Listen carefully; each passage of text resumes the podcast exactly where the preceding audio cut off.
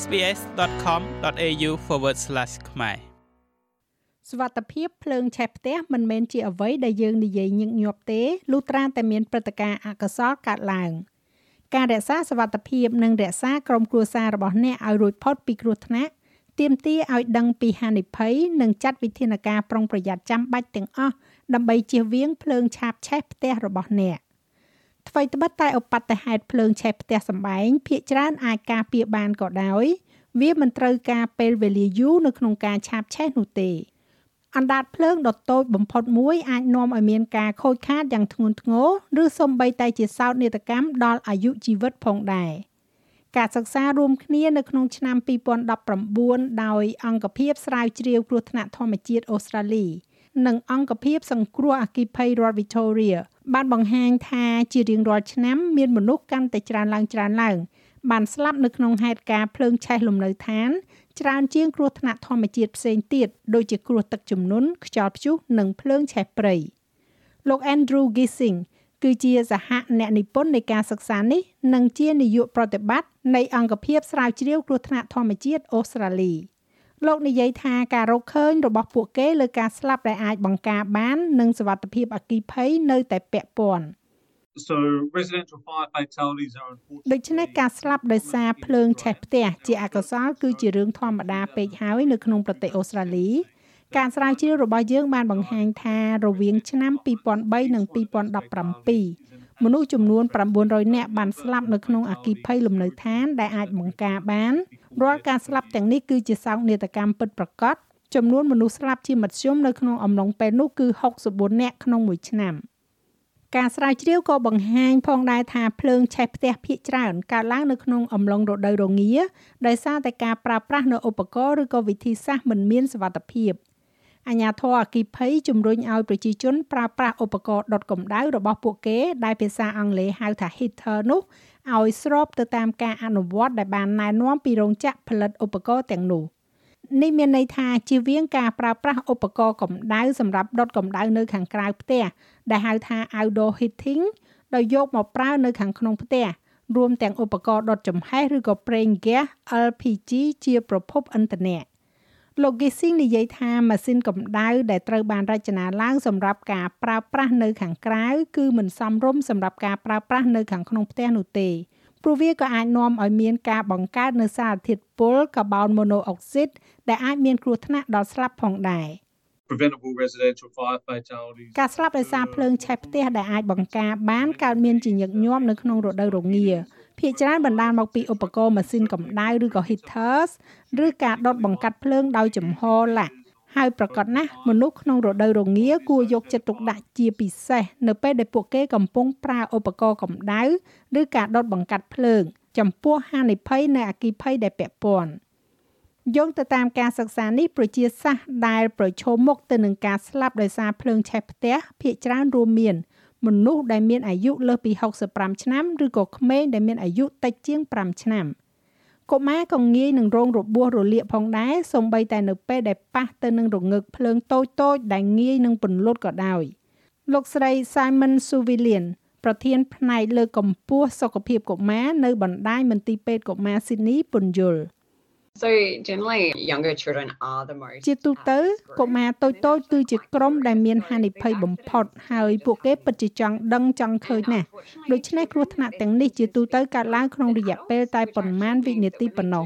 ជាអកុសលស្បែករបស់កុមារស្ដើងជាងមនុស្សពេញវ័យមានន័យថានៅពេលដែលពួកគេត្រូវបានរលាកស្បែករបស់ពួកគេរលាកយ៉ាងជ្រៅហើយយ៉ាងលឿននៅសីតុណ្ហភាពទាបជាងមនុស្សធំ។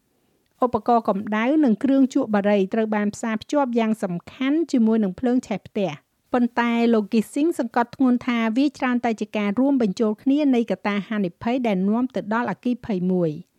most preventable residential fire ភ្លើងឆេះផ្ទះដែលអាចបង្ការបានដែលភាគច្រើនបណ្ដាលឲ្យមានមនុស្សស្លាប់នោះគឺបណ្ដាលមកពីបារី ទុសេចរន្តអគ្គិសនីឧបករណ៍កម្ដៅនិងការដុតភ្លើងប៉ុន្តែខ្ញុំគិតថាចំណុចសំខាន់មួយគឺថានៅពេលដែលយើងគិតពីកត្តាហានិភ័យការស្រាវជ្រាវប្រកាសជាបង្ហាញថាមិនមែនមានកត្តាតែមួយនោះទេ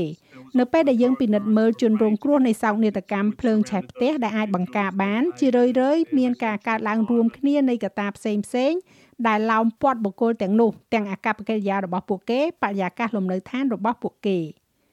លោក Gising បន្ថែមទៀតថាការអនុវត្តសវត្ថភាពអគិភ័យតាមផ្ទះជាមូលដ្ឋាន ដូចជាការដាក់កណ្ដឹងសម្លេងរោផ្សែងដែលដំណើរការ ផែនការរត់គេចចេញពីភ្លើងឆេះនិងការដែលមិនដើរចោលពេលចម្អិនអាហារដោយមិនមានការយកចិត្តទុកដាក់នោះអាចធ្វើឲ្យមានភាពខុសគ្នាទាំងស្រុងលោក Mark Harrison គឺជាអ្នកគ្រប់គ្រងប្រតិបត្តិសម្រាប់សវត្ថភាពអគិភ័យនៅ Queensland Fire and Emergency Service QFES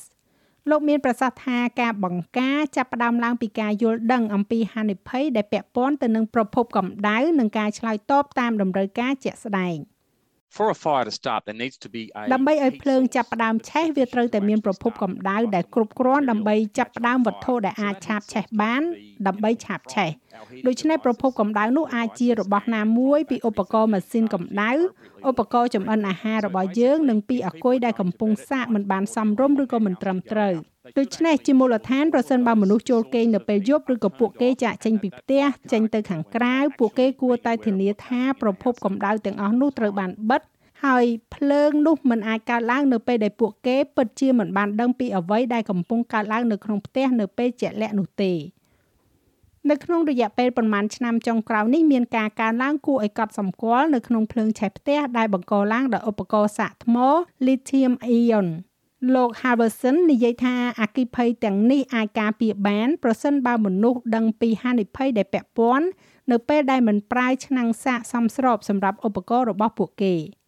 largely the problem is occurring during the battery ភាគច្រើនបញ្ហាគឺកើតឡើងអំឡុងពេលដំណើរការសាកថ្មឧទាហរណ៍ប្រសិនបើយើងប្រើ e-scooter ហើយដោយសារថ្មរបស់ e-scooter មានធម៌ពលច្រើនដូច្នេះប្រសិនបើវាឆេះឡើង មានធម៌ពលច្រើនជាងមុន ហើយមានឱកាសកាន់តែច្រើនសម្រាប់ការរីករាលដាលយ៉ាងឆាប់រហ័សដូច្នេះខ្ញុំគិតថាបញ្ហាទី1គឺមនុស្សកំពុងប្រើឆ្នាំងសាកមិនត្រឹមត្រូវសម្រាប់ឧបករណ៍ជាក់លាក់របស់ពួកគេដោយសារតែឆ្នាំងសាកថ្មនឹងភ្ជាប់ទៅនឹងឧបករណ៍ណាមួយវាមិនចាំបាច់មានន័យថានោះគឺជាឆ្នាំងសាកដែលត្រឹមត្រូវនោះទេ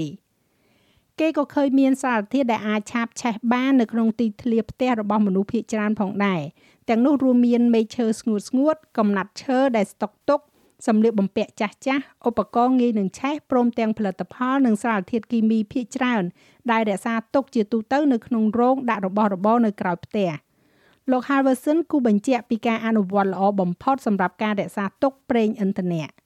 if they are needed to be stored for instance ប្រសិនបើវាត្រូវការរក្សាទុកឧទាហរណ៍ប្រេងសាំងសម្រាប់ម៉ាស៊ីនកាត់ស្មៅឬក៏ប្រេងឥន្ធនៈសម្រាប់យានជំនិះផ្សេងទៀតពួកគេគួរតែដាក់ក្នុងធុងសម្រាប់ប្រេងឥន្ធនៈឲ្យបានត្រឹមត្រូវហើយបន្ទាប់មករក្សាទុកឲ្យឆ្ងាយពីឧបករណ៍ផ្សេងទៀតហើយប្រកាសណាស់នៅឆ្ងាយពីកម្ដៅដែលលើស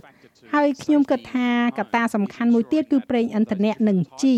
มันអាចដាក់លាយគ្នាបានទេហើយនោះជាហានិភ័យមួយទៀតដែលស្រដៀងគ្នានេះ ដូច្នេះកត្តាសំខាន់នៃសវត្ថភាពនៅក្នុងផ្ទះគឺការធានាថាសម្ភារៈប្រភេទផ្សេងផ្សេងគ្នាទាំងអស់គួរតែត្រូវបានរក្សាទុកដោយឡែកពីគ្នានិងនៅក្នុងធុងដែលសមស្របគណៈពេលដែលកណ្ដឹងសំឡេងរោពេលមានផ្សាយឬហៅថា smoke alarm มันអាចការពារភ្លើងកុំឲ្យឆេះបាននោះប៉ុន្តែវាផ្ដល់ឲ្យយើងនៅការព្រមានជាមុនដ៏ចាំបាច់ហើយជួនកាលសំបីតែជាឱកាសដើម្បីពន្លត់ភ្លើងនៅពេលដែលវានៅឆេះតិចតិចក៏ដោយ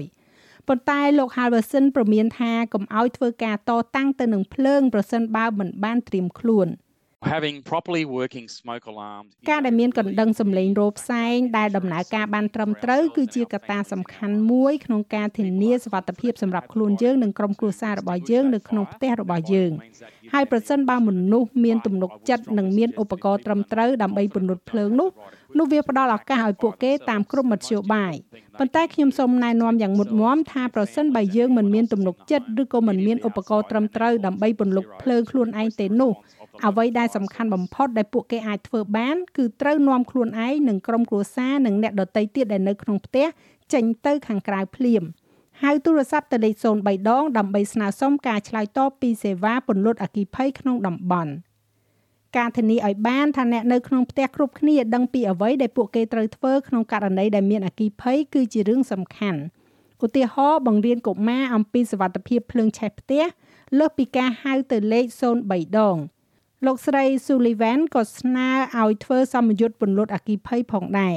The first thing is to prepare a home រឿងដំបូងគឺត្រូវរៀបចំផែនការរត់គេចចេញពីភ្លើងឆេះផ្ទះហើយអនុវត្តវាជាមួយនឹងក្រុមគ្រួសារបង្រៀនពួកគេឲ្យអោនចុះក្រោមហើយចេញទៅហើយក៏បង្រៀនក្មេងៗថាប្រសិនបើសម្លៀកបំពាក់របស់ពួកគេឆេះឈប់សិនទម្លាក់ចោលគ្រប់មុខហើយរមៀល stop drop cover and roll ចូលប្រកាសថាពួកគេយកដៃគ្រប់មុខដើម្បីជៀសវាងរបួសលើផ្ទៃមុខហើយត្រូវរមៀលទៅលើដីដូច្នេះវានឹងជួយពន្លត់ភ្លើងផងដែរការនិយាយជាមួយនឹងកូនរបស់អ្នកអំពីការបង្ការកុំឲ្យភ្លើងឆេះអាចជារឿងគួរឲ្យភ័យខ្លាចតែលោកស្រី Sullivan ចែករំលែកគន្លឹះមួយចំនួនដើម្បីដកការភ័យខ្លាចនិងការបង្រៀនចេញពីការសន្ទនា make it really simple make it fun make it ធ្វើវាឲ្យសាមញ្ញធ្វើវាឲ្យសប្បាយធ្វើឲ្យវាមានការចូលរួមព្យាយាមអនុវត្តសកម្មភាពជាក់ស្ដែងខ្ញុំគិតថាកន្លែងដ៏ល្អមួយដើម្បីចាប់ផ្ដើមគឺការពន្យល់ដល់កុមារអំពីគោលបំណងនៃសម្លេងកណ្ដឹងរោលផ្សែងរបៀបដែលវាដំណើរការវានៅកន្លែងណាវាមានរូបរាងបែបណាវាមានសម្លេងយ៉ាងម៉េចនៅពេលដែលមានភ្លើងឆេះហើយក៏នៅពេលដែលវាអស់ថ្មផងដែរ